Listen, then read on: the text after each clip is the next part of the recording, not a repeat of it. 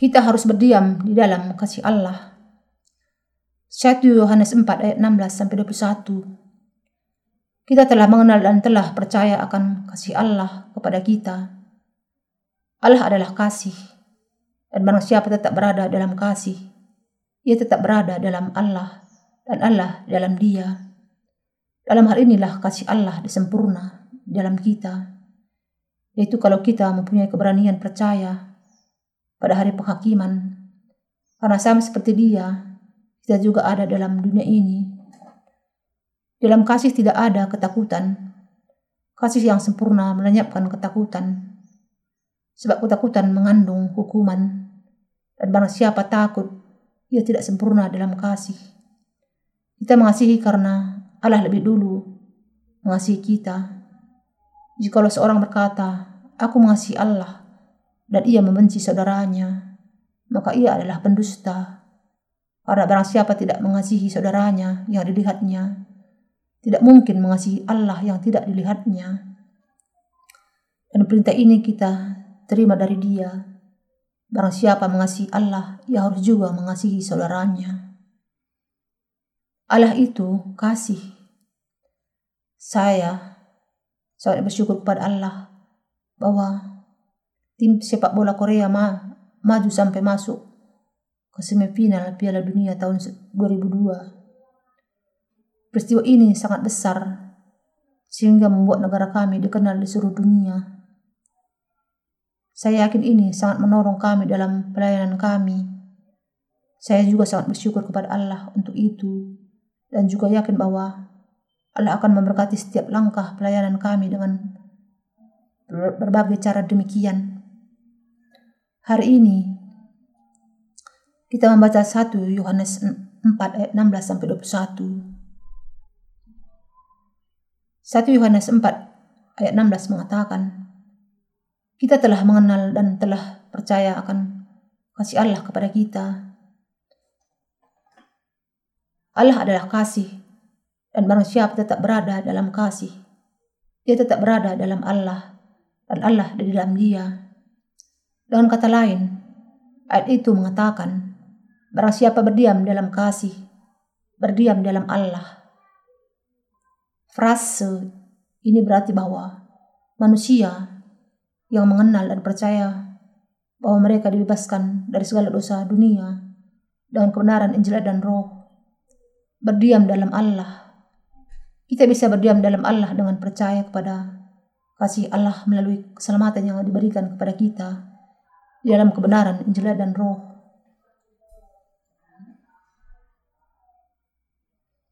Meskipun semua orang Kristen memahami akan kenyataan bahwa Allah itu kasih, sedikit yang memahami bahwa Allah sudah mengenapkan kasihnya melalui Injil dan Roh saat ini, orang Kristen sangat mengenal bahwa Allah itu kasih. Kita bisa melihat banyak stiker yang bertuliskan Allah itu kasih atau Allah mengasihimu.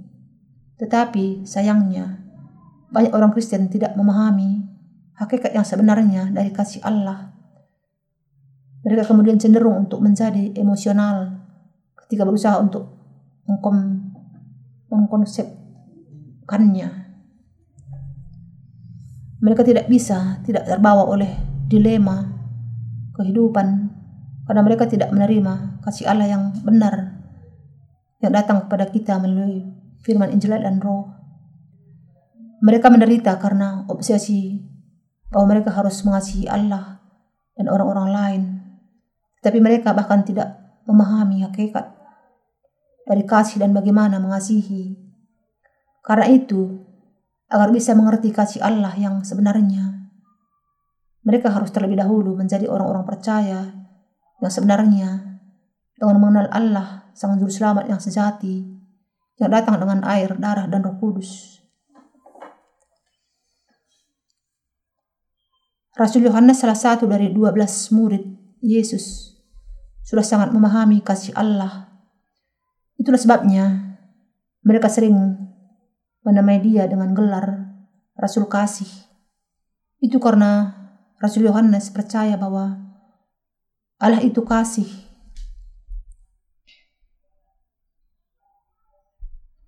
Tema yang sering disampaikan oleh Yohanes, murid terkasih dari Yesus Kristus adalah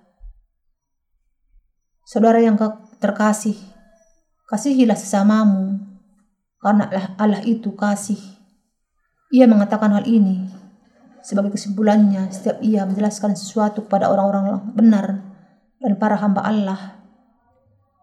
Meskipun orang-orang beragama Kristen menyatakan tanpa keraguan bahwa Allah itu kasih, sesungguhnya mereka tidak memiliki iman dalam kebenaran Injil dan Roh yang memampukan mereka berdiam dalam kasihnya karena mereka tidak berdiam dalam Injil dan roh.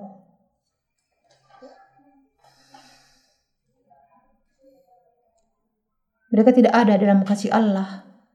Ini masalah yang sangat hakiki dari orang-orang Kristen zaman ini adalah sangat menghiburkan bahwa kita berbeda dengan mereka berdiam dalam kasih Allah melalui iman kita kepada firman Injil dan Roh.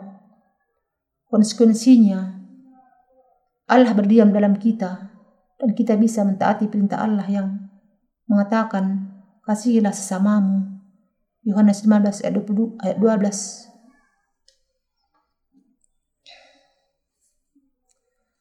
Kalau Anda orang Kristen yang sebenarnya, Anda harus mengenal kasih Allah semakin dalam dalam dan bukan hanya sekedar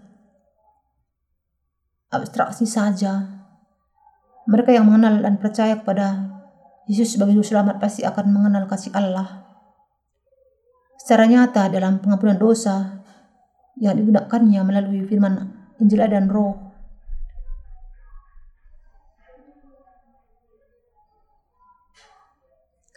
Kita harus menjadi orang-orang yang sungguh-sungguh percaya kepada Injil dan Roh agar bisa memahami kedalaman kasih Allah dalam Injil yang benar, kasih Allah menyatakan diri dengan nyata dan secara terperinci. Kalau kita mau mengenal Allah yang adalah kasih, pahaman kita harus berasal dari kasih Allah yang nyata yang ditunjukkan dalam kebenaran Injil dan Roh.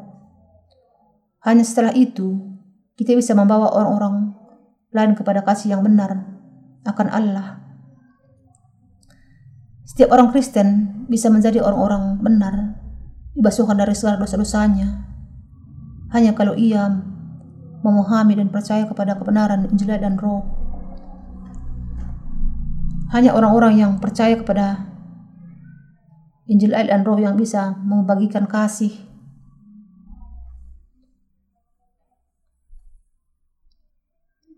Karena itu, Murid Kristus yang sejati harus terlebih dahulu memahami kasih Allah melalui Injil air dan roh. Saat ini, orang-orang Kristen tanpa menekankan hanya kepada darah di kayu salib. Namun mereka memiliki dosa dalam hati mereka. Dan bukannya kasih Allah. Karena mereka tidak memiliki pemahaman akan Injil dan roh.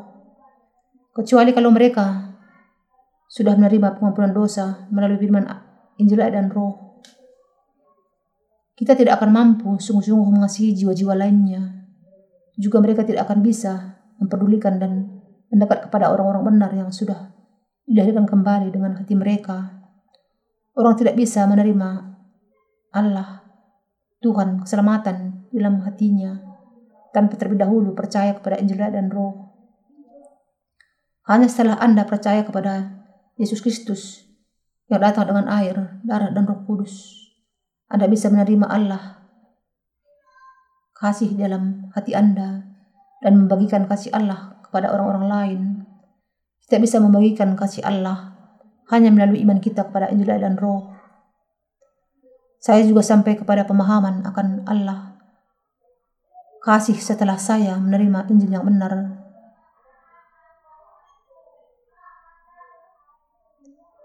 Saya sampai kepada pemahaman akan kasih Allah hanya setelah saya sungguh-sungguh memahami dan percaya kepada Injil dan Roh. Kasih Allah adalah kasih kebenaran. 2 Tesalonika 2 ayat 10 yang datang kepada kita dalam air dan roh. Sebelumnya, saya memahami tentang Allah hanya secara abstrak saja. Saya berpikir bahwa Allah dalam kasihnya kepada kita mengenakkan keselamatan kita hanya dengan kayu salib saja. Saya ada di bawah pemahaman yang salah bahwa saya sudah memiliki pemahaman yang kuat akan kasih kebenaran. Namun karena hati saya masih dipenuhi dengan dosa, saya tidak bisa secara efektif memberikan kesaksian akan kasih Allah yang sejati dengan kuasa Roh Kudus. Saya harus membuat kasih yang pura-pura dan bukannya membagikan kasih Allah yang sejati. Ketika saya hanya memahami darah Yesus di kayu salib, saya sangat menderita dalam pergumulan saya. Namun saya langsung mendapatkan kasih yang sejati dari Allah ketika saya bertemu dengan Tuhan melalui Injil ayat dan Roh. Saya bisa merasakan kasih Allah mengalir dari dalam hati saya. Saya memahami bahwa Allah sudah memberikan kepada kita kasih kebenaran. Hanya setelah pertemuan saya dengan Injil dan Roh.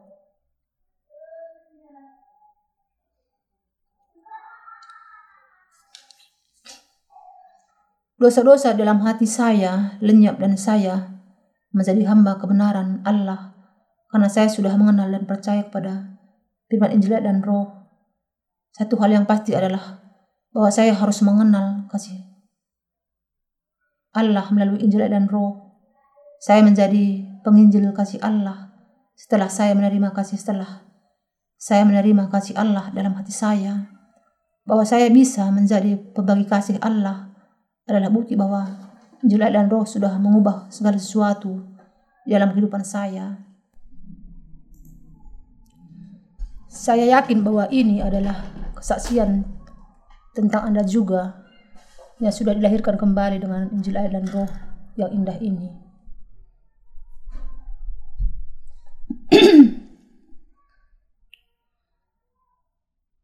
Tidak ada ketakutan bagi orang yang berdiam dalam kasih kebenaran dengan iman.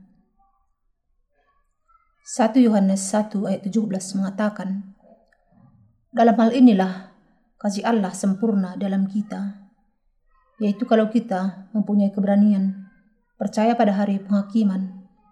Karena sama seperti dia, kita juga ada di dalam dunia ini. Mereka yang di dalamnya kasih Allah sudah disempurnakan tidak memiliki ketakutan akan hari penghakiman karena mereka percaya kepada Injil air dan roh sebagaimana Tuhan akan penuh dengan keyakinan di hari penghakiman mereka yang sudah mengenakan kasih Allah juga akan menjadi penuh dengan keyakinan pada hari itu. Mari kita membaca bersama 1 Yohanes 4 ayat 18. Ayat itu mengatakan, Di dalam kasih tidak ada ketakutan. Kasih yang sempurna melenyapkan ketakutan, sebab ketakutan mengandung hukuman. Dan barang siapa takut, ia tidak sempurna di dalam kasih. Orang-orang Kristen itu yang belum mengenakan kasih Allah yang sejati di dalam Injil air dan Roh masih memiliki dosa di dalam hati mereka. Orang yang tidak berdiam di dalam kasih Allah senantiasa ada dalam ketakutan kepada Allah. Ketakutan itu dikarenakan adanya dosa-dosa yang terdapat di dalam hatinya. Mereka yang masih memiliki dosa di dalam hati mereka memang akan menerima hukuman yang setimpal atas dosa-dosa itu. Satu-satunya cara menghindar dari penghakiman Allah ada dalam iman kepada Injil dan Roh. Karena itu, Apakah seseorang sungguh-sungguh menerima pengampunan dosa di hadapan Allah atau tidak? Menjadi sebuah pokok yang sangat penting. Kalau kita tidak menerima pengampunan dosa melalui Injil ayat dan roh, jiwa kita akan binasa selamanya. Tidak ada lagi ketakutan dalam hati mereka yang sudah mengenakan kasih Allah di dalam iman kepada Injil ayat dan roh.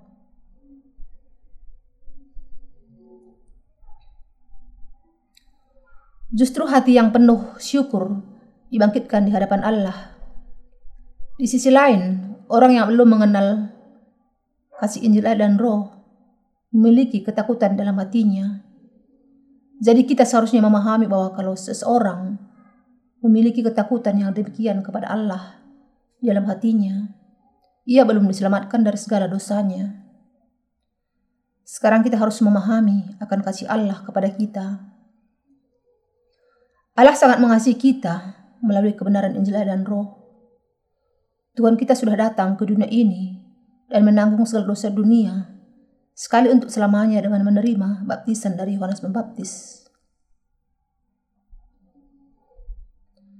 Dan ia menanggung segala dosa dunia dengan menanggung penghukuman di kayu salib dan bangkit kembali dari kematian Allah sudah menjadikan kita anak-anaknya dengan memberikan kepada kita kebenaran air dan roh.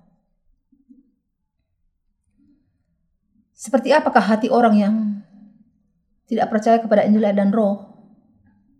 Mereka pada dasarnya hidup dalam rasa takut yang besar kepada Allah karena dosa-dosa dalam hati mereka yang tidak bisa dibereskan dan akibat berupa penghukuman yang menantikan mereka.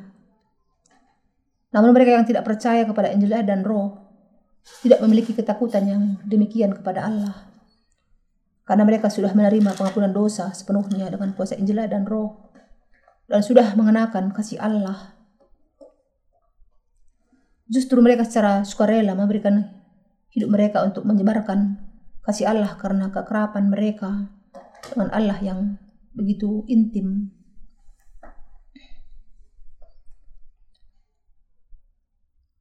Akan menjadi aneh kalau seekor anjing takut kepada pemiliknya.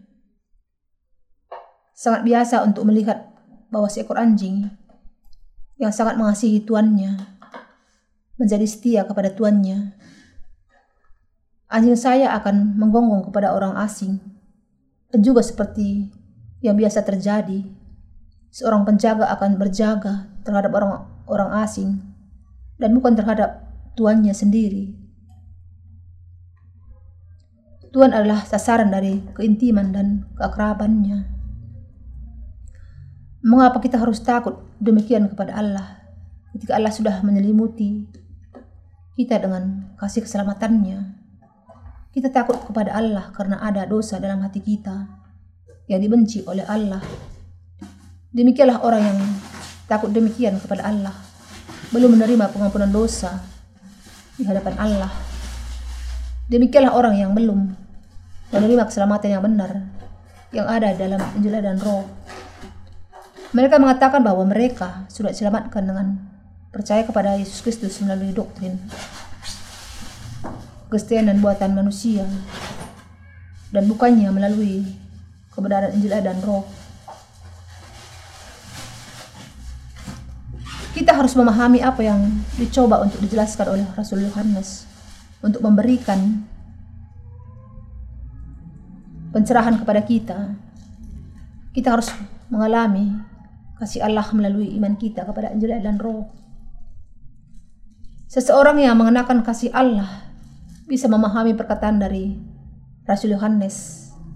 Ia mengatakan bahwa seseorang yang tidak mengenal dan percaya kepada kebenaran Injil dan Roh masih hidup di bawah penguasaan dosa. Inilah sebabnya ia mengatakan,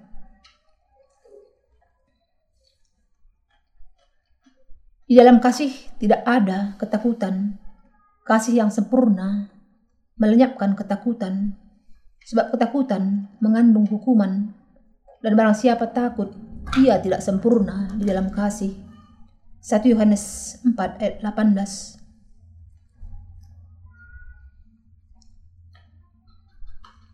Tidak ketakutan dalam kasih Allah, karena kasih Allah mengusir segala ketakutan dari dalam diri kita. Tuhan sudah menghapuskan segala dosa kita dengan Injil air dan Roh. Penghukuman Allah jatuh ke atas kita karena segala dosa dalam hati kita. Tetapi Tuhan sudah mengusir semua ketakutan kita melalui Injil air dan Roh kita bisa lepas dari semua penghukuman atas dosa kita dengan dibasuhkan dari segala dosa kita melalui iman kita kepada Injil kebenaran ini.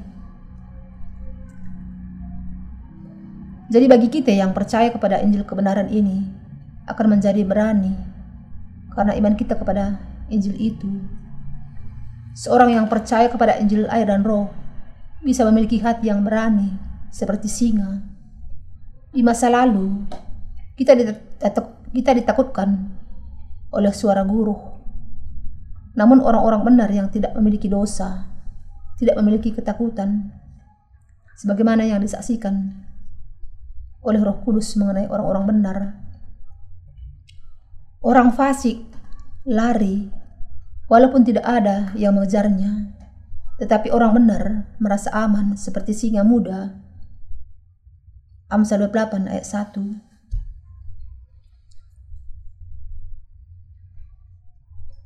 Bagaimanapun adilnya Allah dalam murka penghukumannya akan segala dosa kita, kita yang percaya kepada Injil dan Roh seharusnya tidak memiliki ketakutan dan akan murka Allah. Ini karena kasih Allah yang sempurna sudah mengusir semua ketakutan dari dalam hati kita. Semua ketakutan adalah karena antisipasi kita akan penghukuman. Barang siapa tidak percaya kepada Injil dan Roh, pasti akan menerima penghukuman.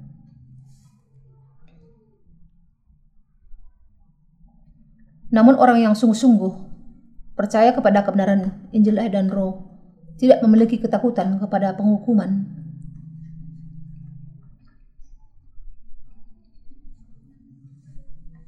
Karena orang itu sudah berdiam dalam kasih Allah. 1 Yohanes 4 ayat 19 mengatakan, Kita mengasihi karena Allah lebih dahulu mengasihi kita. Apakah kita yang mengasihi Allah terlebih dahulu atau Allah yang lebih dahulu adalah karena Allah sudah mengasihi kita melalui kebenaran Injil dan Roh, sehingga kita sudah diselamatkan dari segala dosa kita. Kita, kita sudah mengenakan kasih Allah melalui iman kita kepada Injil dan Roh. Apa yang akan terjadi kalau Allah tidak terlebih dahulu mengasihi kita melalui kasih kebenaran, yaitu Injil air dan Roh? Apa yang akan terjadi kepada kita kalau Injil air dan Roh bukan kebenaran yang sejati. Kalau demikian, maka tidak ada jalan bagi kita untuk bisa hidup lepas dari dosa. Namun kita ditutupi oleh kasih Allah melalui iman kita dalam jelai dan roh.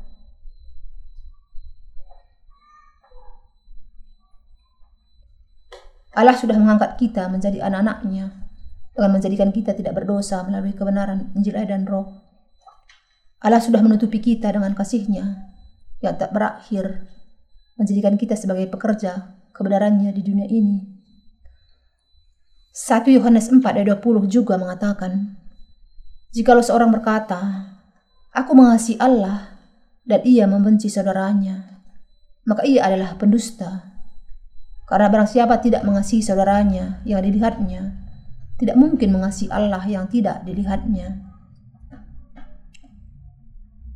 Seseorang yang percaya kepada Injil air dan roh mengasihi meski dengan beberapa kesalahan.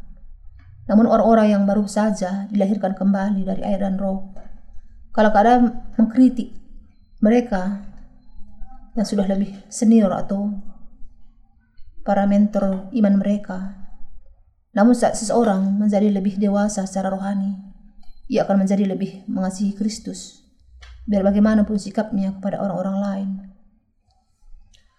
Seseorang yang ditutupi dengan kasih Allah akan menunjukkan kasih yang berbeda dengan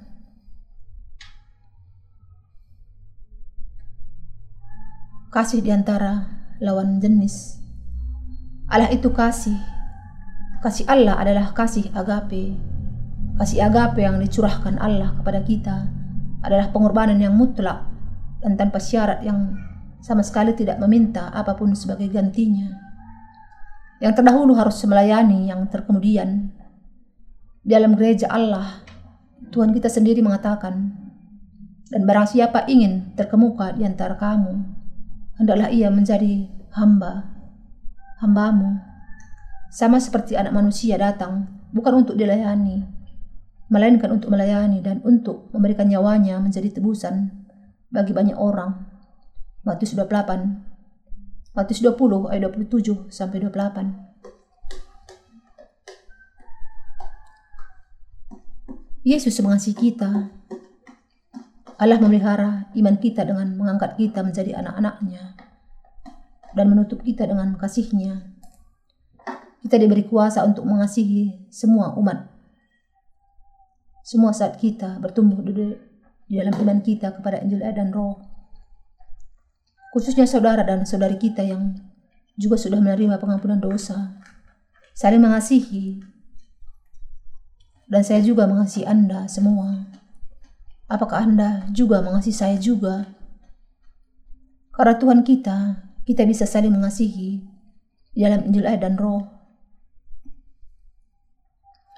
Akhirnya, 1 Yohanes 4 ayat 21 mengatakan, dan perintah ini kita terima dari dia, barang siapa mengasihi Allah, ia harus juga mengasihi saudaranya. Perintah Allah bagi kita adalah agar kita saling mengasihi.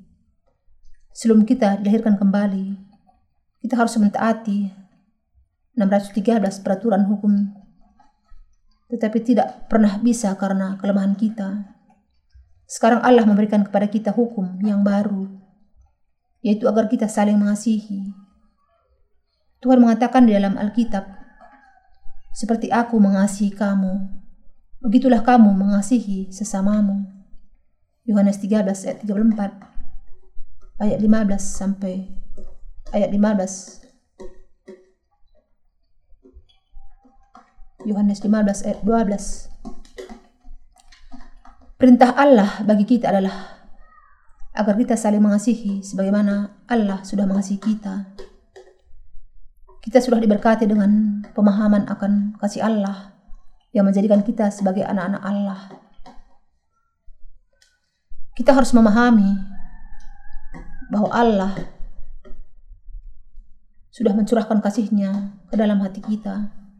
Kita sungguh-sungguh harus memahami hakikat dari kasih Allah dan mempraktekkan kasih kita kepada sesama kita. Kita harus memahami dan menerima semua orang selama ia tidak melawan Injil dan Roh dan kita juga harus memberikan firman Allah kepada mereka sebagai makanan bagi pertumbuhan rohani mereka. Kita harus memahami kasih Allah yang tertulis dalam hati kita. Dan jangan lupa untuk saling mengasihi sesama kita.